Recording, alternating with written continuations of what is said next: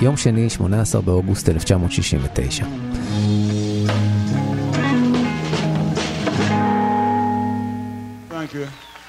קצת אחרי השעה 11 בצהריים וג'ימי הנדריקס זה עתה יורד מהבמה. הקהל עושה את דרכו הביתה, הצוות מקפל את הבמה, המארגנים מתחילים להבין את הנזקים וההפסדים, והאשפה מכסה את כל שטח הפסטיבל. fast forward 50 שנה אחר כך, ופסטיבל וודסטוק הוא סמל. מילה נרדפת לשנות ה-60, עשור המהפכות, הגשמת החלום והחזון של דור שלם, רגע לפני שהוא מתנפץ לרסיסים.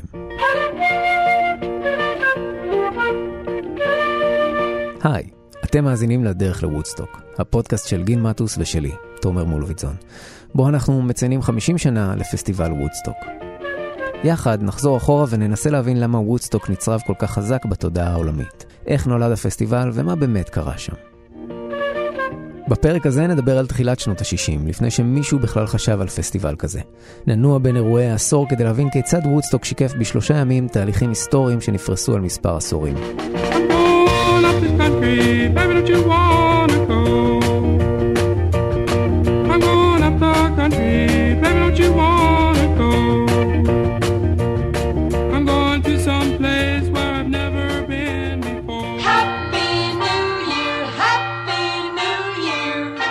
השנה היא 1959. יום חמישי, 31 בדצמבר, דקה לחצות. מיליוני אמריקאים חוגגים את השנה החדשה והעשור החדש, ולא מודעים לכך שעד לחגיגות העשור הבא, המדינה שלהם והעולם ישתנו ללא היכר. בין קהל החוגגים, עשרות אלפי ילדים ובני נוער, דור הבייבי בום, הדור שיוביל את שנות ה-60, עשור השינויים החברתיים, עשור המחאות ותרבות הנגד. כדי להבין למה העשור היה כה מהפכני, מי אלו ה baby boomers ולמה דווקא הם שינו את העולם, צריך לחזור אחורה לשנות ה-50. אמריקה של שנות ה-50, בעיני עצמה, הייתה מצילה את העולם. השוטר הטוב שהציל את העולם מגרמניה הנאצית והפשיזם, וכעת עומד איתן מול הדוב הרוסי.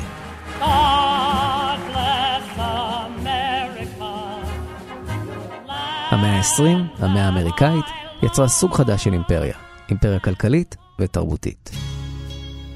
הברית נהנתה בשנות ה-50 מפריצות דרך טכנולוגיות ומדעיות שדחקו את מעמד הדת והכנסייה ועודדו תהליכי חילון. השפע הכלכלי העצום הוביל להתפתחות תעשייתית ענפה וליצור המוני שאפשר שינוי תודעה מהותי. במקום לתכנן קדימה ולדאוג מהעתיד, ניתן פתאום להתמקד בהווה.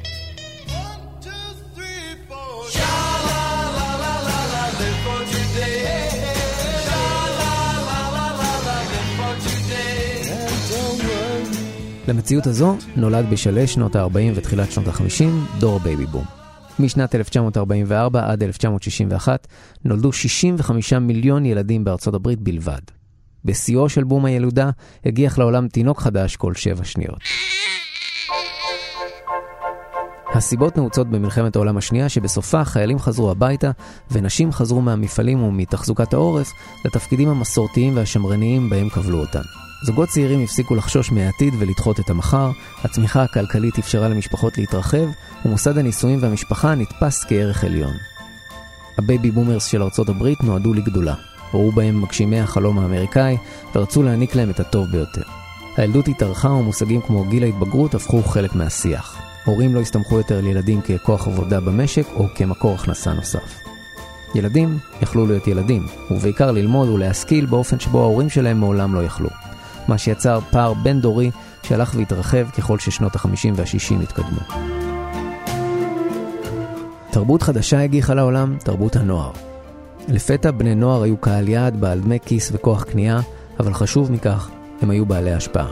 ראו בהם שוק בפני עצמו, מה שהוביל לעולם חדש של תוכן.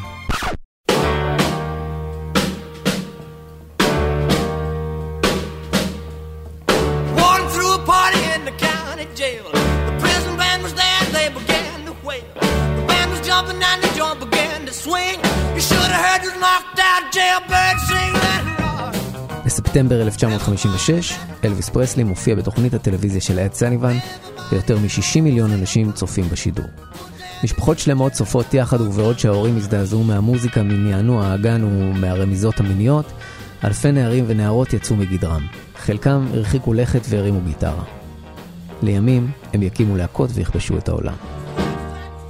אלוויס, ג'רי לי לואיס, באדי הולי, צ'אק ברי וליטל ריצ'רד הציתו את גפרור המהפכה והובילו את הזרם הראשון של הרוקנרול. המוזיקה שתשבור מחסומים ומוסכמות ותהיה הפסקול האולטימטיבי של שנות ה-60. וכמובן, הגורם המאחד של כמעט חצי מיליון אנשים מרקעים שונים שהגיעו באוגוסט 69 לפסטיבל וודסטוק.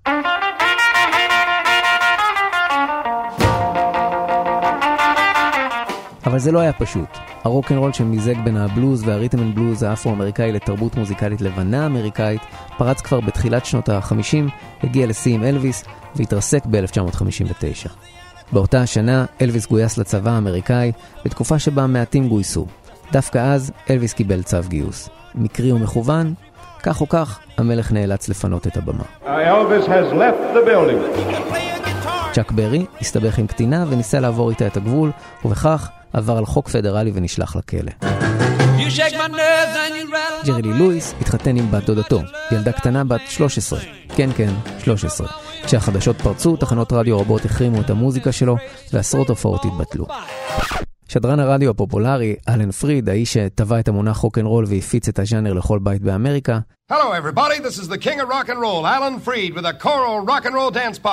הסתבך בפרשת שחיתות. ליטל ריצ'רד גילה את אלוהים והחליט לנטוש את הרוקנרול לטובת הגוספל והכנסייה. המטוס של באדי הולי התרסק והוא נהרג ביום בו המוזיקה מתה.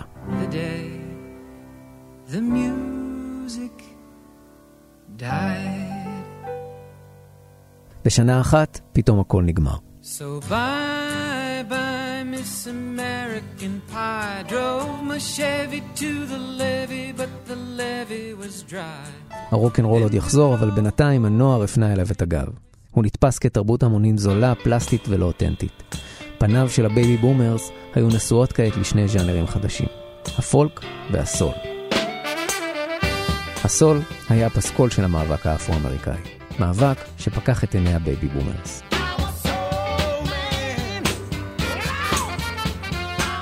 כמעט מאה שנה לפני כן, אחרי מלחמת האזרחים האמריקאית וביטול העבדות, חוקקו במדינות הדרום את חוקי ג'ים קרו. חוקים שיצרו מצב שקרי של נפרדים, אך שווים. סגרגציה מלאה, הפרדה גזעית טוטאלית בין אפרו-אמריקאים ללבנים.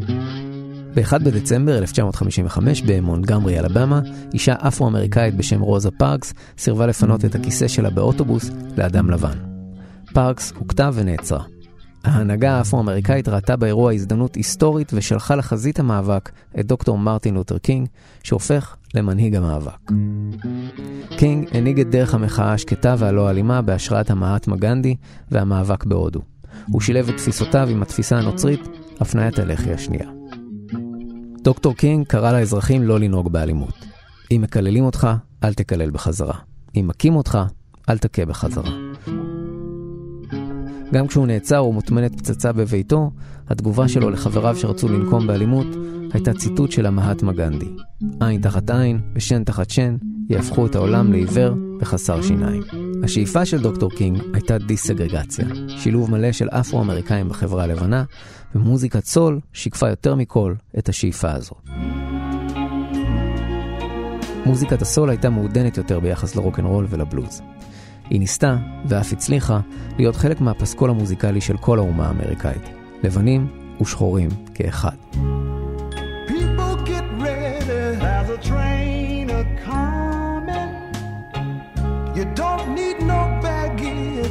just get on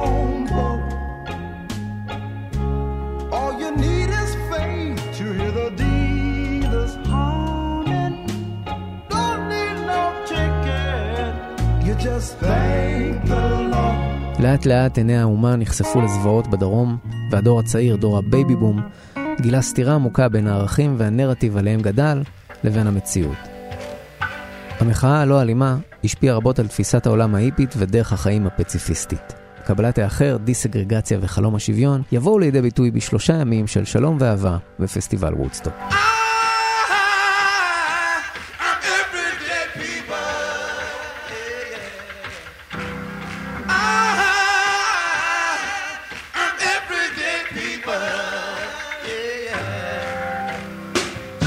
אבל רוחות השינוי הורגשו שש שנים קודם לכן. ב-28 באוגוסט 1963, כ-300 אלף אפרו-אמריקאים ולבנים צעדו יחד לכיוון וושינגטון הבירה, במטרה לייצר לחץ על הקונגרס האמריקאי ולנצל את הלחץ הפנימי שהחל להפעיל הנשיא הצעיר והליברלי, ג'ון פיצג'רלד קנדי. This nation was founded by men of many nations and backgrounds. It was founded on the principle that all men are created equal, and that the rights of every man are diminished when the rights of one man are threatened. Today we are committed to a worldwide struggle to promote and protect the rights of all who wish to be free. קנדי הביא רוחות של שינוי ותקווה וסחף את בני הנוער.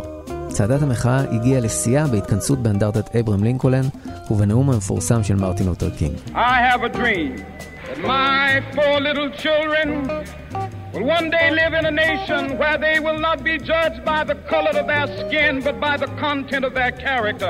I have a dream today. פחות משלושה חודשים אחר כך, ג'ון אף קנדי נרצח בדאלאס, טקסס, בנסיבות שעד היום שנויות במחלוקת. הרצח הוליד עשרות תיאוריות קונספירציה. When President Kennedy was killed, he was not killed by one man. He was shot from a number of different directions by different guns. The story has been suppressed. Witnesses have been killed. And this is your country, ladies and gentlemen.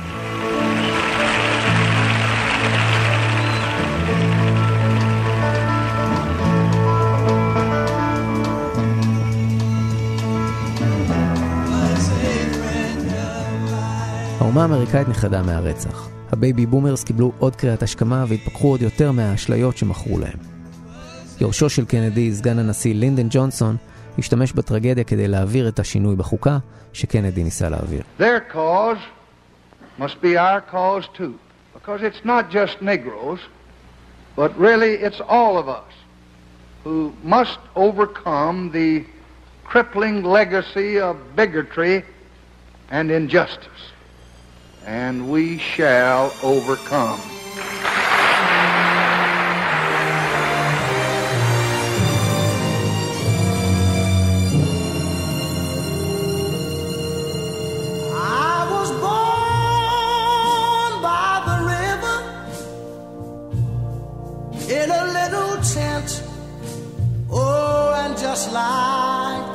ביולי 1964, הקונגרס האמריקאי אסר סוף סוף על הפרדה ועל אפליה גזעית.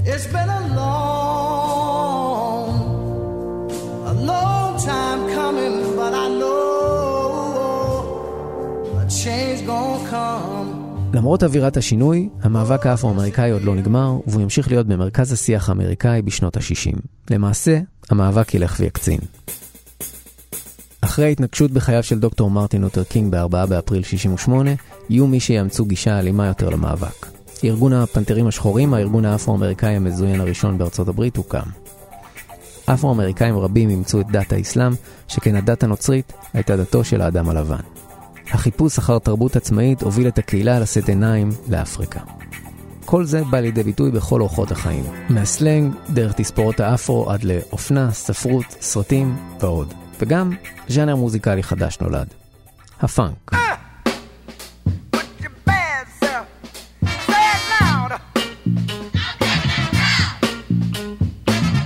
Loud. בעוד שהסול והפאנק תפסו את מקומו של הריתם אנד בלוז והרוקנרול בקרב הקהילה האפרו-אמריקאית, הלבנים חזרו גם הם לשורשים. באמצע המאה ה-20, בלב המהפכה הטכנולוגית בארצות הברית, היו כאלה שסלדו מתהליכי העיור והתיעוש ומתרבות ההמונים. הם חיפשו משהו אותנטי ושורשי יותר, חיי קהילה ופשטות שהחלו לחלוף מהעולם לטובת אינדיבידואליזם. החלום הזה יבוא לידי ביטוי בשנות ה-60 בדרך החיים ההיפית והקמת הקומונות השונות. פסטיבל וודסטוק עצמו יהיה לשלושה ימים הגשמת חלום הקהילה. Freedom,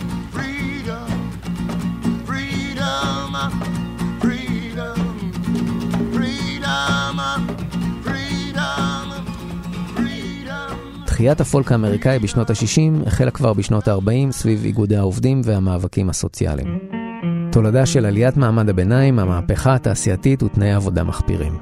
זמרי פולק כמו וודי גאת'רי ופיט סיגר ביטאו את קולם של מעמד הפועלים והמעמדות הנמוכים בחברה האמריקאית.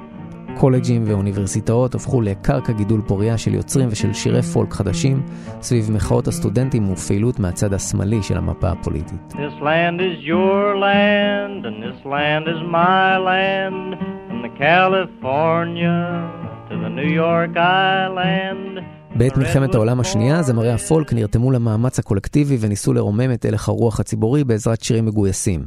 אך עם סופה, הם חזרו למאבקים חברתיים. בשנות ה-50 הם סומנו בצל המלחמה הקרה והמקארתיזם כבוגדים קומוניסטים. הרדיפות הפוליטיות של הסנטור ג'וזף מקארתי, שערך רשימות שחורות וועדות סנאט בהן האשים ללא רחם מאות אנשים בבגידה, הגיעו גם למוזיקת הפולק. זמר הפולק פיט סיגר ושותפיו הוכנסו לרשימה השחורה והוחרמו בידי תחנות רדיו וטלוויזיה לצד פסטיבלים ומוקדי הופעות. סצנת הפולק נעלמה מהזרם המרכזי, ירדה למחתרת והפכה מזוהה עם השמאל, הבוהמיה ומרדנות. המלחמה הקרה, אותו סכסוך מתמשך בין ברית המועצות לבין ארצות הברית על עתיד העולם אחרי מלחמת העולם השנייה, העיבה על הלך הרוח האמריקאי לאורך כל שנותיה, אך במיוחד באמצע המאה ה-20.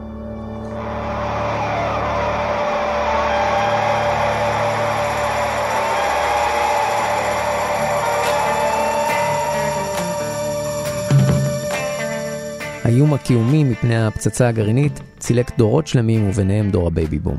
הוא יצר עוד יותר היאחזות בהווה ושינוי תודעתי. המקארתיזם ופרנויית האימה האדומה, התחזקות ה-FBI וה-CIA, הפלישה למפרץ החזירים ומשבר הטילים בקובה, מרוץ החימוש והמרוץ לחלל, פקחו כולם את עיני הדור למציאות, לצביעות, לדואליות ולסתירה העמוקה בערכים של מולדתם. מעל כל אלו, במסגרת המלחמה הקרה, הייתה כמובן מלחמת וייטנאם. המלחמה המיותרת על עתידה של מדינה קטנה באסיה, האם תיפול לידי הקומוניסטים או לא, צילקה את החברה האמריקאית והפכה את הדור שתמך בה לדור האחרון שסמך בעיניים עצומות על הממשל שלו. ככל ששנות ה-60 התקדמו, מלחמת וייטנאם הלכה והסתבכה. צעירים רבים בני דור הבייבי בום קיבלו צווי גיוס. הראשונים שגויסו היו המעמדות הנמוכים וביניהם האפרו-אמריקאים ובני מיעוטים נוספים. בעלי הממון והקשרים הצליחו לקנות את דרכם מחוץ לצבא, ופערי המעמדות נחשפו לעיני כל.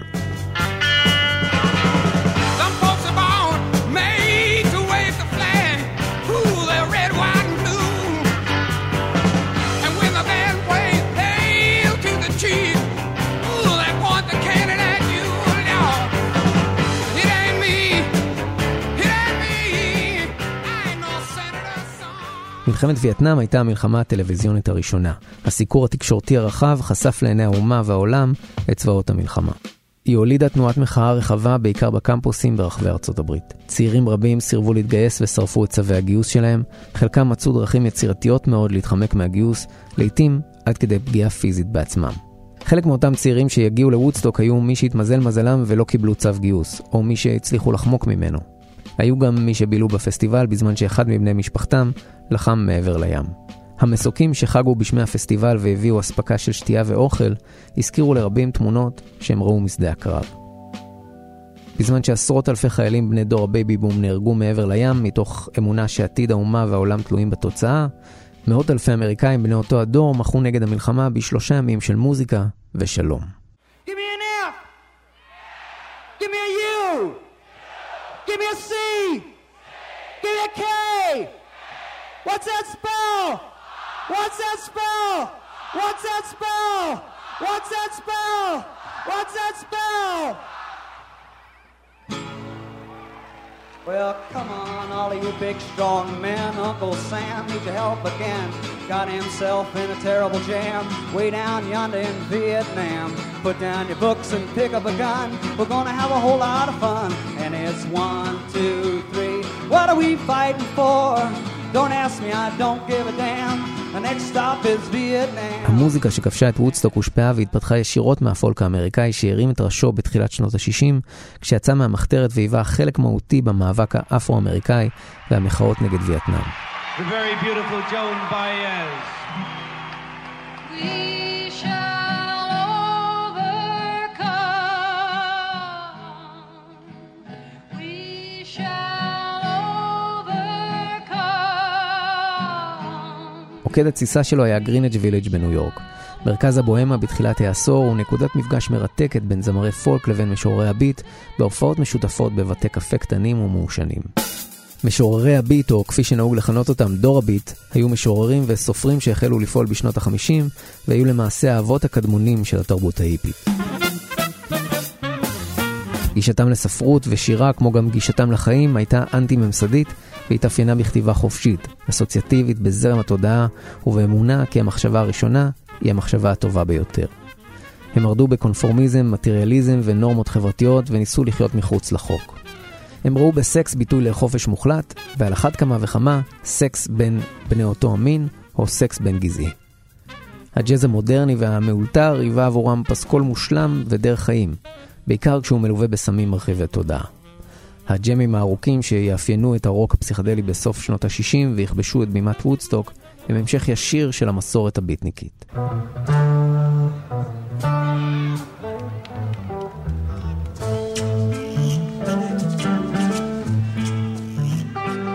התפיסות שלהם היוו את הקרקע לתרבות ההיפית והיצירות שלהם, במיוחד בדרכים, ספרו המכונן של גיבור דור הביט, הסופר ג'ק קרואק, הדהדו ועדיין מהדהדות בכל סוגי האומנות. את השם דור ביט טבע קרואק. כינוי הגנאי שניתן להם בידי החברה האמריקאית השמרנית שסלדה מהם וראתה בהם קומוניסטים, היה ביטניקים, שילוב בין ביט לספוטניק, שמו של הלוויין הרוסי הראשון. שני מרכזי הפעילות של הביטניקים היו הגריניץ' ויליג' בניו יורק וסן פרנסיסקו, שהפכה למוקד עלייה לרגל כיוון ששם שכנה הוצאה לאור של יצירות ביט רבות. בראשן, הפואמה המכוננת של דור הביט, האול, פרי עטו של המשורר אלן גינסבורג. I saw the best minds of my generation destroyed by madness, starving, hysterical, naked, dragging themselves through the Negro streets at dawn looking for an angry fix. בתחילת שנות ה-60 נער צעיר בשם רוברט צימרמן עזב את עיר הולדתו ותר אחר הגיבור המוזיקלי שלו, זמר הפולק וודי גטרי.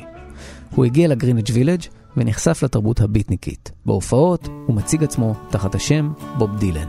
How many roads must a man walk down before you call him a man? במהרה, לצד ג'ואן באז הוא יכבוש את סצנת הפולק והשניים יחד ולחוד יהפכו לפנים הלבנות של המאבק האפרו-אמריקאי.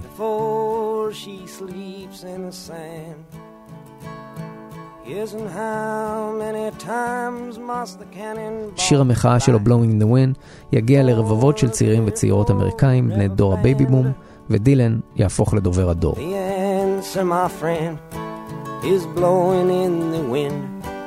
The answer is blowing in the wind. אלא שנער הזהב של הפולק בכלל לא רצה להיות כזה. הוא עתיד לשנות כיוון כשעולם חדש ייפתח והרוקנרול יחזור עם הפלישה הבריטית. Sweets for my sweet, sugar for my honey. Your first sweet kiss thrills me so. בצד השני של האוקיינוס, קבוצה אחרת של baby boomers החלה לשנות את העולם. בשונה מהאמריקאים, בני הנוער הבריטים גדלו בצל טראומת מלחמת העולם השנייה והבליצקריג הגרמני. בעוד שבארצות הברית התקיפה נעצרה בפרל הרבור, בריטניה הרגישה על בשרה את מלחמת העולם השנייה. ה baby boomers של בריטניה גדלו באימפריה שצנחה מגדלותה והתפוררה. הילדות שלהם נגדעה, ותרבות הנוער הייתה דלה ביותר. הרוקנרול איחר להגיע לאי הבריטי, אך כשהגיע היו כאלה שלא הסתפקו בו, והחלו לתור אחר שורשיו. בזכות ימאים שהביאו תקליטים מעבר לים, בזכות תחנות רדיו של הצבא האמריקאי שהוצב באירופה, ובזכות נגני ג'אז בריטים, הם נחשפו לשורשי הרוקנרול. הבלוז האפרו-אמריקאי. הם מצאו בו נחמה. ה baby boomers הבריטים ראו ביוצרי בלוז גיבורי על, עם שמות מיסטיים ומוזרים כמו מאדי ווטרס, האולין וולף ולדבלי.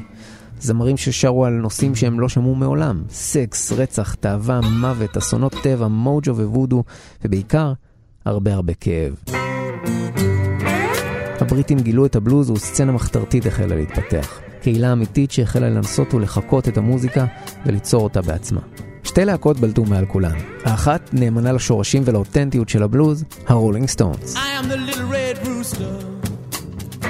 Too lazy to crow for day. הלהקה השנייה, נאמנה יותר לרוקנרול של אלוויס וליטל ריצ'רד, הביטלס.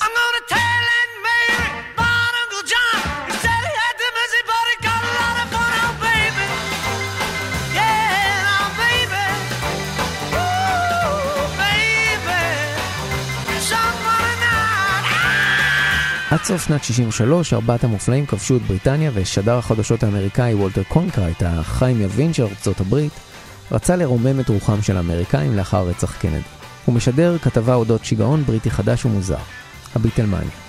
נערה אמריקאית בת 15 בשם מרשה אלברט מוושינגטון, צופה בכתבה ומחליטה לכתוב מכתב לשדרן רדיו מקומי בשם קרול ג'יימס. היא שואלת אותו, מדוע לא ניתן לשמוע מוזיקה כזו ברדיו האמריקאי? ג'יימס מתרשם מהמכתב ומשיג עותק של הסינגל I want to hold your hand של הביטלס. הוא מזמין את מרתה לאולפן כדי להציג ולהשמיע בהשמעת בכורה ברדיו האמריקאי את הביטלס. בזמן ההשמעה הראשונה, עשרות שיחות טלפון מגיעות לתחנה, וכולם שואלים מי זו הלהקה הזו. במהרה, השיר הופך ללהיט במדינת וושינגטון, ומשם כובש את ארצות הברית כולה. הפלישה הבריטית החלה. Oh yeah. I think understand.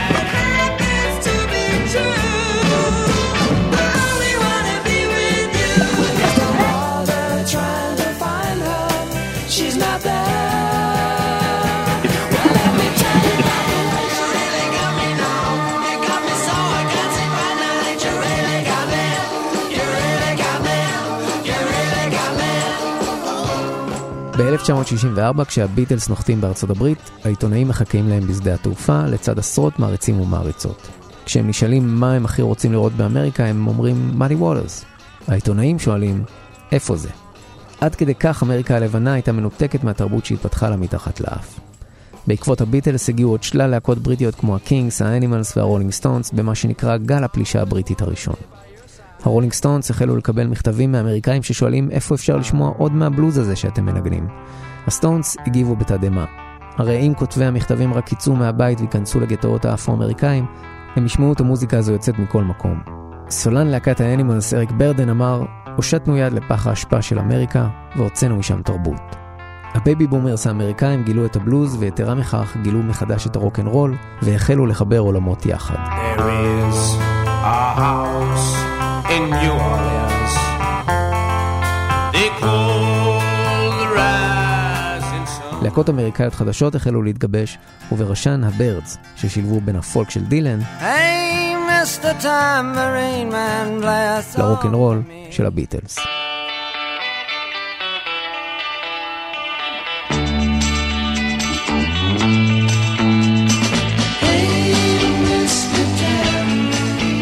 הבירדס יצרו ז'אנר חדש, פולק רוק, ונער הזהב של הפולק, בוב דילן, הגיב באופן שהפתיע את כולם. לאחר שהוא שמע את הביצועים של הבירדס לשיריו, ולאחר שהוא מאס בתפקיד דובר הדור שנכפה עליו, הוא מחליט לעשות את הלא יעשה. ביולי 1965, הוא עולה להופיע על בימת פסטיבל הפולק של ניופורט, המכה של הפולק האמריקאי, עם להקת בלוז חשמלית משיקגו. הוא מנגן רוק אנד רול לקול קריאות בוז ובוגד.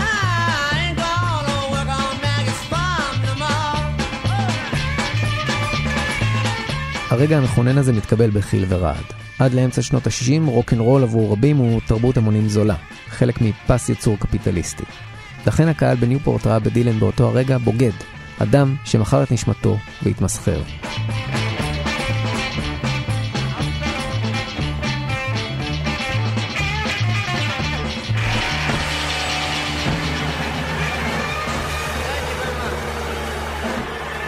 ההופעה של דילן בפסטיבל הפולק בניופורט 1965 הופכת לרגע מכונן בהיסטוריה של דילן ושל המוזיקה הפופולרית.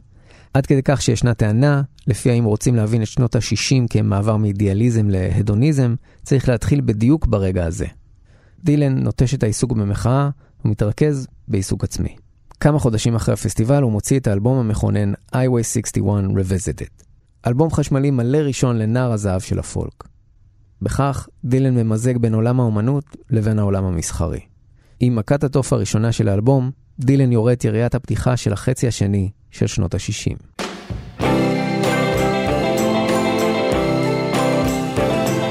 הרוקנרול חזר מתוחכם יותר, בוגר יותר, והוא כאן כדי להישאר. למרות שלא הביטלס. ולא דילן הופיעו בפסטיבל וודסטוק, הם ללא ספק אחראים ישירים למוזיקה שעמדה במרכז הפסטיבל. אלא שגם הם עצמם עתידים לעבור עוד שינוי, כיוון שהשלב הבא בהתפתחות של הרוק מחובר למהפכה נוספת של שנות ה-60, מהפכת הסמים. האמונה האמריקאית במדע ובטכנולוגיה סיפקה קרקע פוריה להתנסות בלתי פוסקת בשלל תרופות וסמים שפותחו באמצע המאה ה-20. אבל סם אחד ספציפי מתגלה בסוף שנות ה-30 ונכנס למחזור הדם האמריקאי לקראת שנות ה-50. הסיפור שלו מתחיל עם כימאי שוויצרי שניסה לפתח תרופה למיגרנות ונתקל לגמרי במקרה בתרכובת חדשה ושמה LSD.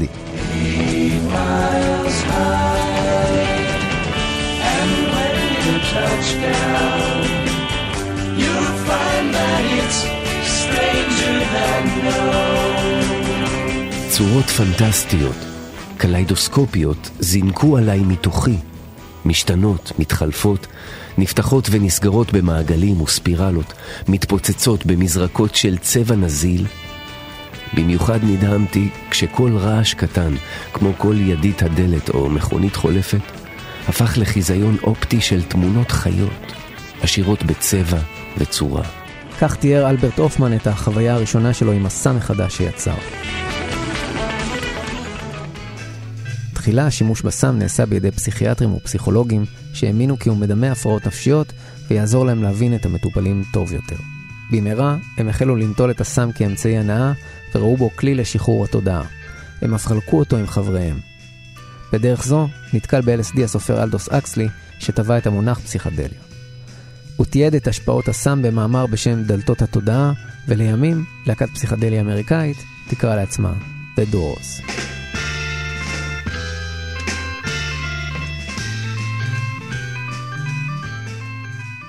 במקביל לאקסלי ולחבריו שהאמינו כי LSD הוא סם חזק מדי שצריך לשמש רק את מי שמסוגל להתמודד איתו, קם זרם מקביל, שראה בו כלי לשינוי העולם ושחרור התודעה האנושית ממגבלות החברה. גם הזרם הזה היה מפולג בין הגישה הטיפולית שהוביל פסיכולוג אמריקאי בשם טימותי לירי, והגישה החווייתית שהוביל סופר בשם קן קיזי. קיזי היה סניטר בבית חולים פסיכיאטרי בשנות ה-50. הוא נחשף שם לטיפולים שונים במחלות נפש ומתנדב לניסוי ב-LSD. בהתבסס על חוויותיו, הוא כותב את ספרו רב המכר, קן הקוקייה. באמצע שנות ה-60, קיזי מנצל את הכנסותיו כדי להפיץ LSD במסיבות acid שנערכו בסן פרנסיסקו ונקראו The Acid Tests. במסיבות האסיד התגבשו להקות חדשות כמו ה-Grateful Dead ו-Jefferson Airplane, שעוד מעט ינהיגו את מהפכת הרוק הפסיכדלי, ובעתיד כמובן יופיעו בוודסטוק.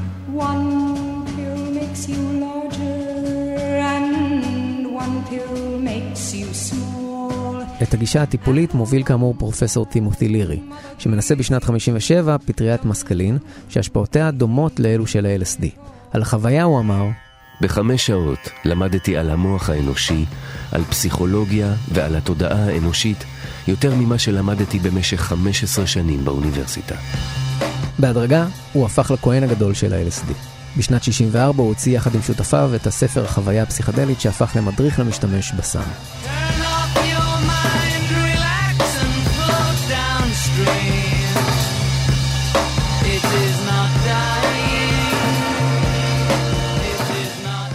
לקראת אמצע סוף שנות ה-60, הביטלס ומוזיקאים רבים החלו לנטול LSD ואף לעודד את השימוש בו. To all the statesmen and politicians in the world, we might have a chance at stopping war. That's a quote from Paul McCartney.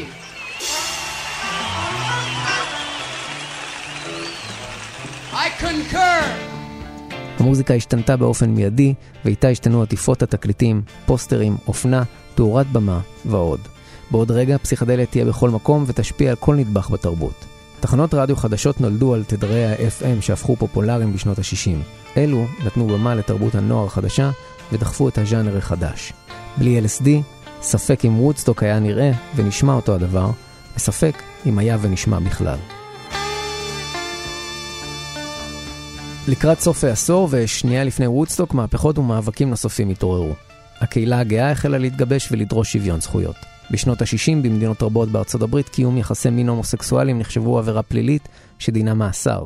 Jimmy knew he shouldn't be interested, but, well, he was curious. What Jimmy didn't know was that Ralph was sick. A sickness that was not visible like smallpox, but no less dangerous and contagious. A sickness of the mind. You see, Ralph was a homosexual, a person who demands an intimate relationship with members of their own sex. ביוני 69 פורצות מהומות סטונוול בניו יורק, שורה של עימותים ספונטניים אלימים כלפי משטרת ניו יורק במחאה על הומופוביה ואלימות קבועה ומתמשכת. הקש ששבר את גב הגמל היה פשיטה על בר של הקהילה בגריניץ' וילג' שנקרא סטונוול אין. לאחר העימותים, הקהילה הגאה החלה להתגבש ולהקים איגודים וארגונים שונים שדרשו שוויון זכויות.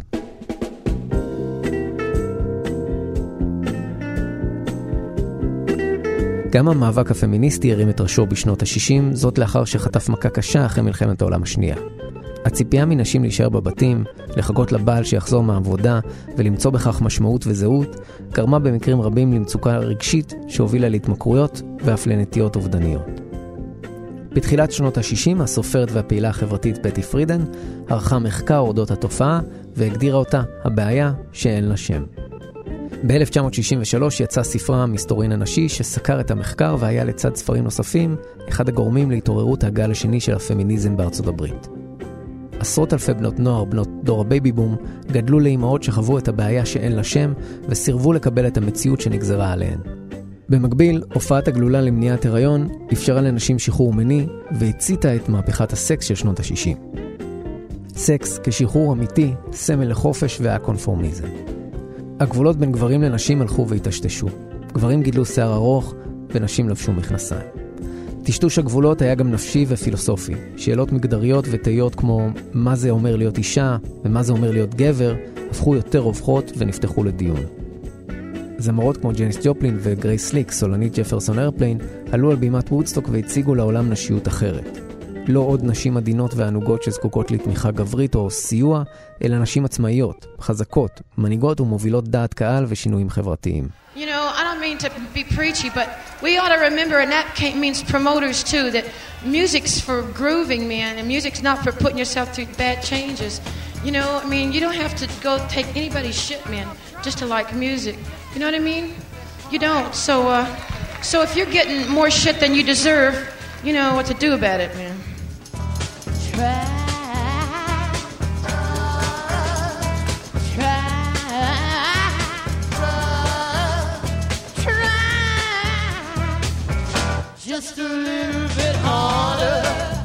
שנתיים לפני וודסטוק בינואר 1967 בסן פרנסיסקו, רגע לפני קיץ האהבה, מאות סטודנטים וסטודנטיות צעירים בני דור הבייבי בום, ביטניקים ואנשי תרבות, מתכנסים יחד באירוע בשם Human Be In, במטרה לקדם רעיונות שיהפכו עוד רגע לתורה ההיפית ותרבות הנגד. כולם תולדה של המסע שעברנו יחד בפרק הזה עד כה.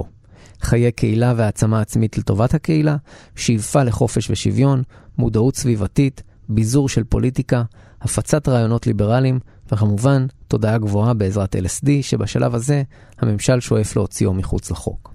אחד הדוברים בכנס הוא טימותי לירי, שמפיץ שם את המונח המכונן של העשור. Turn on, tune in, drop out. הידלקו בעזרת LSD, התחברו חזרה לטבע ולהרמוניה של העולם, עזבו את כללי המשחק הישנים ונטשו את הקונפורמיזם. תנועה חדשה התחילה. ההיפים הרימו את ראשם.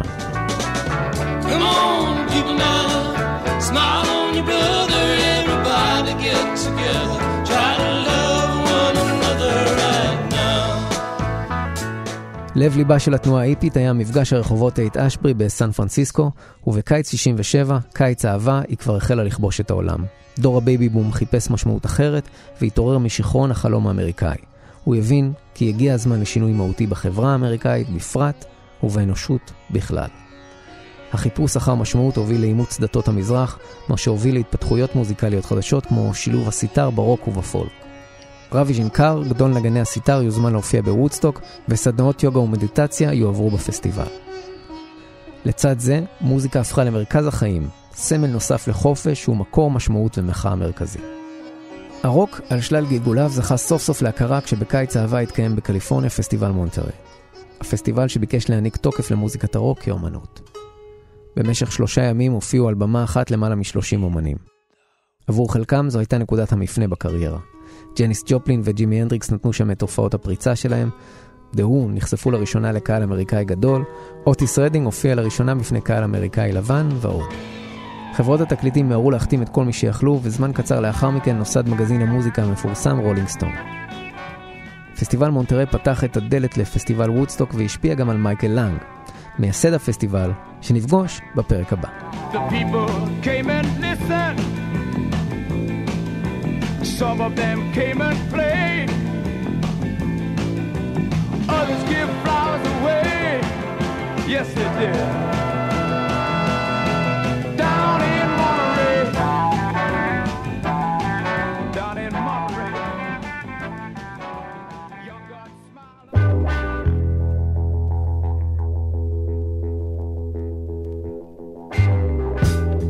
בתחילת שנת 69, כמה חודשים לפני וודסטוק, האווירה בארצות הברית הייתה מתוחה. האופטימיות והחלום ההיפי עמדו בסימן שאלה גדול.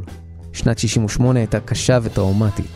באפריל 68 דוקטור מרטין לותר קינג נרצח ומהומות פרצו ברחבי ארצות הברית. חודשיים אחרי, ביוני 68, רוברט קנדי, אחיו הצעיר של הנשיא ג'ון אף קנדי, נרצח גם הוא. רוברט היה מועמד לנשיאות וכמו אחיו, הביא תחושות תקווה ורוחות של שינוי. הצעירים היו לטובתו ורוב הסקרים היו לטובתו. אך הוא נרצח לפני הבחירות. את מקומו תפס ריצ'רד ניקסון, שהבטיח להוציא את ארצות הברית מווייטנאם, אך בתחילת כהונתו נראה היה שלא יעמוד בהבטחה. החדשות מווייטנאם הלכו והחמירו, המאבקים השונים הלכו והקצינו, השמאל הפך רדיקלי, כתות החלו להופיע וסמים קשים יותר החלו לעשות את דרכם אל מחזור הדם. ולמרות זאת היו כאלה שלא ויתרו והחלום עוד לא התנפץ. התנועה ההיפית הלכה והתרחבה, גל שני של להקות בריטיות פלש לארצות הברית, ושלל אומנים ויוצרים אמריקאים כבשו את חנויות התקליטים ותחנות הרדיו. קיץ 69 היה בפתח, ואיתו פסטיבל וודסטוק.